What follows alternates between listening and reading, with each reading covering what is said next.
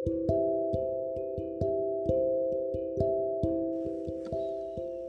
guys, Assalamualaikum. Selamat datang kembali di podcast Desi Lepia Bercerita.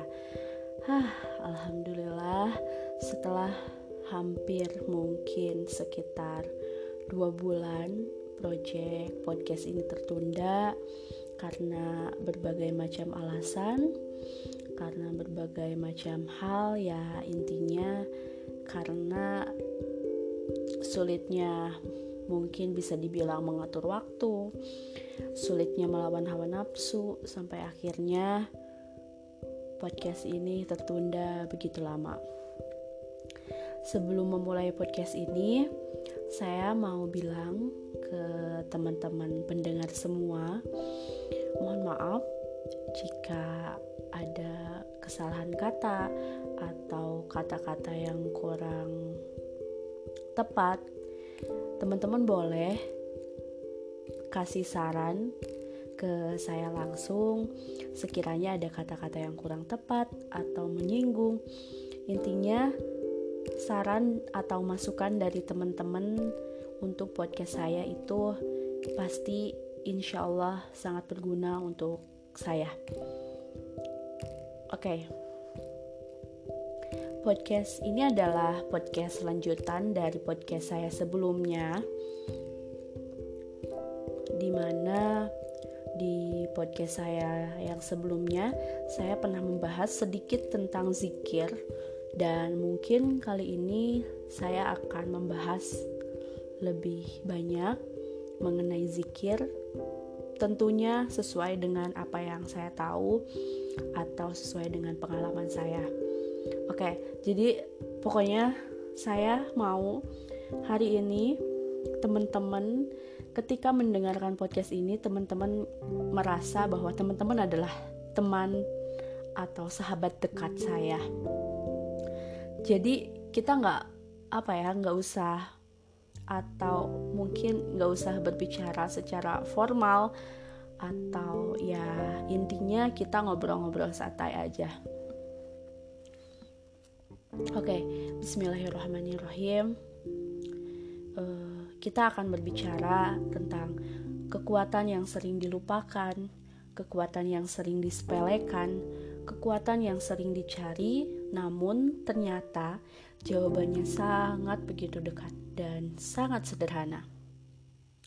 Dan kekuatan itu adalah zikir. Betul sederhana, bukan? Iya, tapi Rasanya sangat sulit sekali untuk menjadikan zikir sebagai makanan sehari-hari. Oh iya,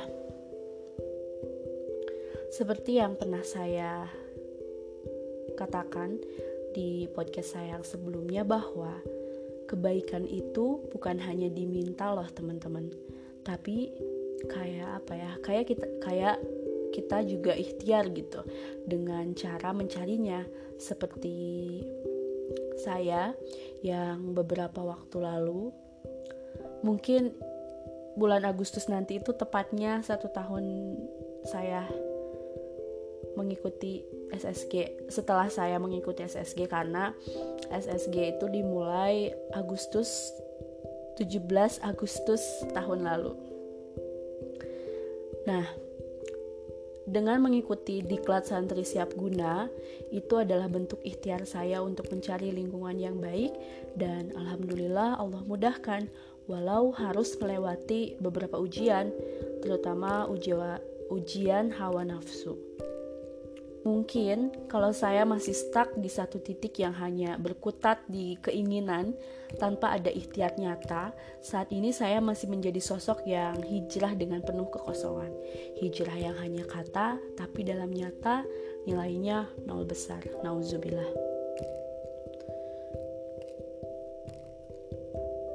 Dan saya ingat ketika awal saya mengenal hijrah, hal yang pertama kali saya lakukan saat itu adalah sibuk, super sibuk.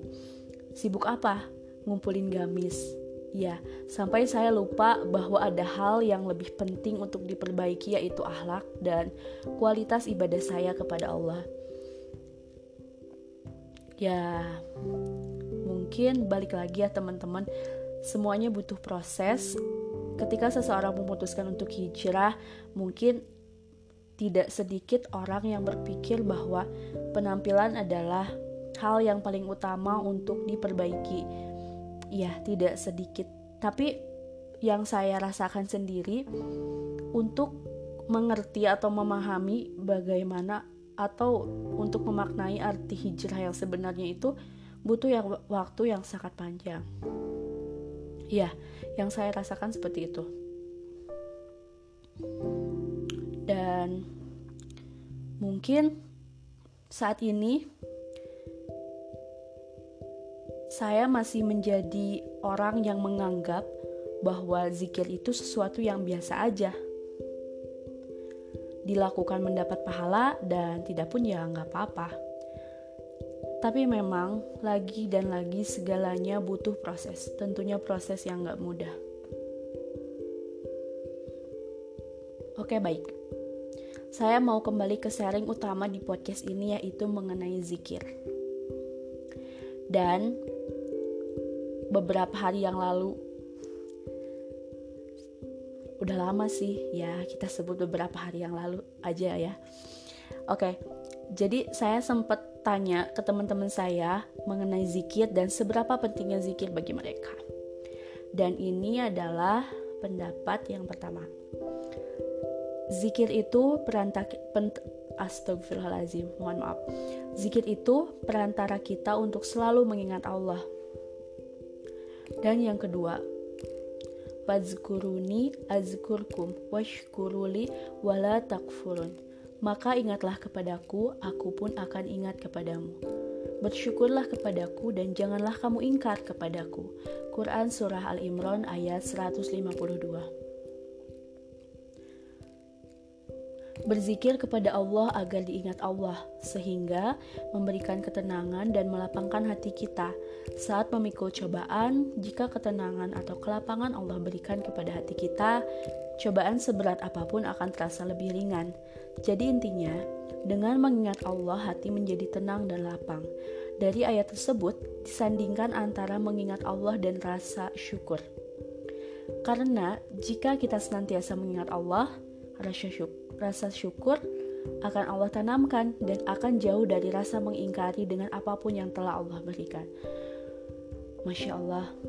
Nah, itu adalah beberapa pendapat dari teman-teman saya. Terima kasih kepada teman-teman yang sudah mau berpendapat. Semoga Allah selalu memudahkan urusan kalian dan insya Allah pahala kebaikannya akan terus mengalir. Amin.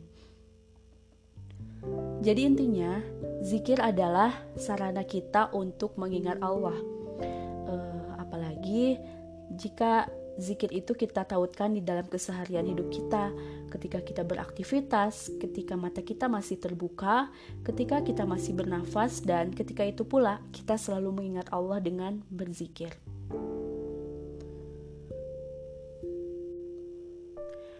Mungkin ada beberapa dari teman-teman yang bertanya mengenai zikir pagi petang.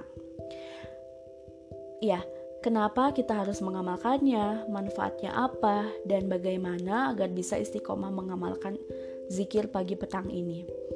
Karena di podcast saya sebelumnya saya pernah sedikit membahas tentang program yang sedang saya jalani yaitu zikir pagi petang dan seribu istighfar. Nah, sebenarnya nggak hanya zikir pagi petang, tapi banyak juga zikir lainnya yang bisa diamalkan. Untuk yang pertama, mungkin saya ingin berbagi cerita bagaimana pertama pertama kali saya tahu dan mengamalkan zikir pagi petang ini.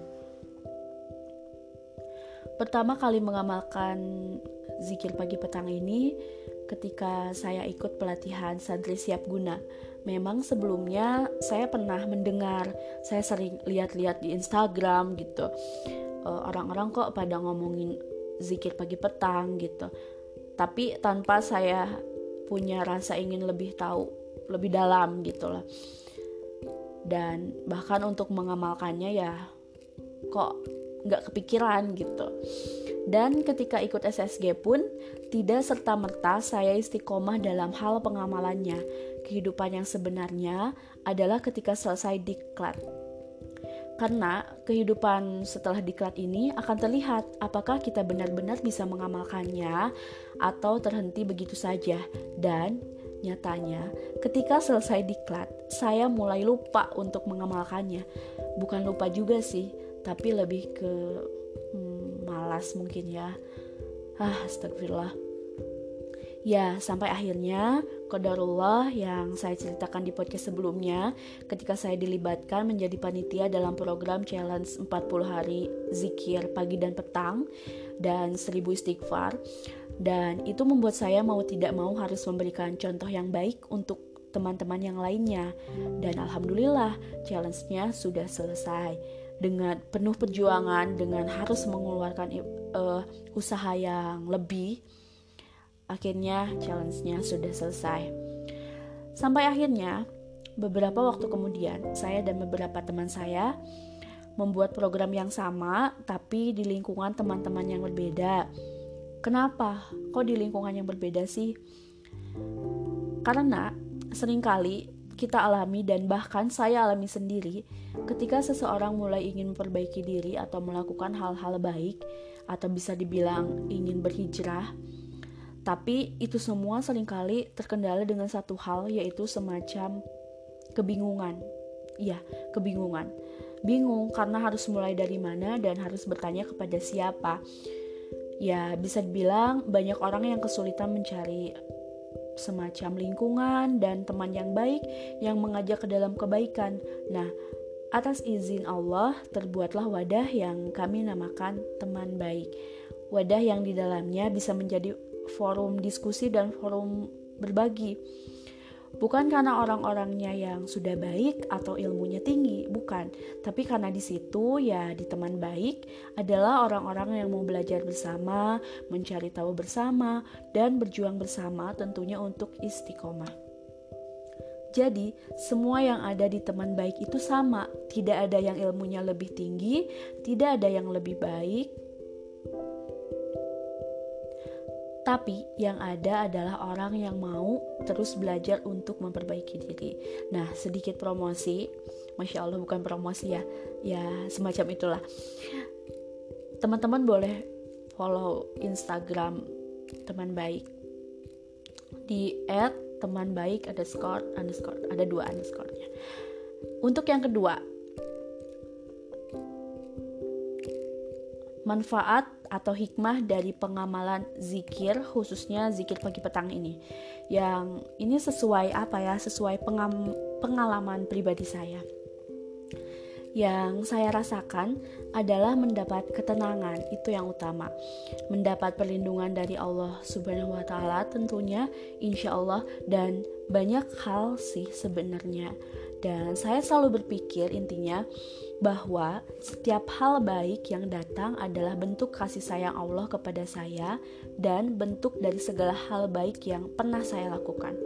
Dan begitupun sebaliknya, segala hal buruk atau tidak menyenangkan yang datang adalah bentuk dari segala dosa yang pernah saya lakukan.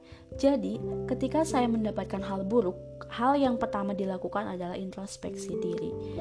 Semacam, aduh, dosa apa ya saya? atau aduh saya lakuin kesalahan apa ya? Jadi jangan menyalahkan orang lain apalagi menyalahkan Allah atas ketidaksenangan atau atas hal buruk yang kita alami. Nauzubillah. Nah saya ingin sedikit bercerita kepada teman-teman ini untuk contoh simpelnya ya. Adalah ketika saya makan bakso waktu itu uh, saya ya makan bakso gitu kayak orang seperti biasanya. Kayak temen-temen yang sering makan bakso. Cuman intinya inti dari cerita ini adalah ketika kita bisa mengambil hikmah dari hal sederhana itu akan terasa lebih ikhlas gitu walaupun hal itu tidak menyenangkan. Nih oke. Okay. mengenai makan bakso saya pernah makan bakso di tempat yang uh, sering saya kunjungi sebelumnya. Ya kenapa sering ya? Karena saya merasa bahwa baksonya enak gitu. Tapi di hari itu uh, di hari itu saya pesan bakso dengan tauge. Kok pas saya santap baksonya kok ada yang beda ya maksudnya kurang garam gitu. Rasanya nggak enak seperti biasanya. Ya oke okay, saya makan aja lah terus. Nah saya makan bas uh, saya makan taugenya dulu sedikit karena taugenya saat itu begitu apa ya sangat banyak. Jadi saya memutuskan untuk makan baksonya terlebih uh, dahulu melanjutkan dengan memakan baksonya gitu setelah memakan bakso, setelah baksonya habis ya, otomatis saya akan menghabiskan togenya ya. Nah, ketika saya kacak-kacek mangkoknya, ternyata saya menemukan seekor lalat. Masya Allah. Seekor lalat ini jadi apa? Mungkin teman-teman bertanya-tanya, apa sih hubungannya sama lalat gitu sama laler gitu apa kok nyambung sama laler gitu kan nah jadi coba teman-teman bayangin ketik gimana nasib saya ketika lalat itu saya makan. Nah uh, alhamdulillah atas izin Allah atas baiknya Allah sama saya Allah masih kayak Des lihat tuh ada lalat gitu. Jadi kayak Allah kasih peringatan atau pemberitahuan bahwa di mangkok itu ada lalat dan akhirnya alhamdulillah nggak saya makan. Setelahnya ya udah saya pulang dan di perjalanan pulang saya mikir e, ini ini tuh bentuk kasih sayang Allah sama saya. Apa ya hal baik yang sudah saya lakukan? Gitu lah oh mungkin karena tadi pagi saya sudah zikir pagi. Gitulah teman-teman. Jadi intinya setiap hal baik ataupun buruk pasti ada hikmahnya. Jadi intinya jangan pernah menyalahkan orang lain atas kesalahan atau atas hal buruk yang terjadi pada diri kita. Jadi pokoknya kita harus pintar-pintar ngambil hikmah. Pasti ada, selalu ada hikmah di setiap hal yang Allah beri ke kita sekalipun itu hal yang tidak menyenangkan. Oke lanjut. Teman-teman semoga bisa ambil hikmah ya insya Allah teman-teman bisa ambil hikmah dari cerita lalat di dalam mangkok bakso saya. Masya Allah, insya Allah. Yang ketiga, cara istiqomah mengamalkan zikir pagi dan petang. Yang saya rasakan adalah dengan memaksakan diri.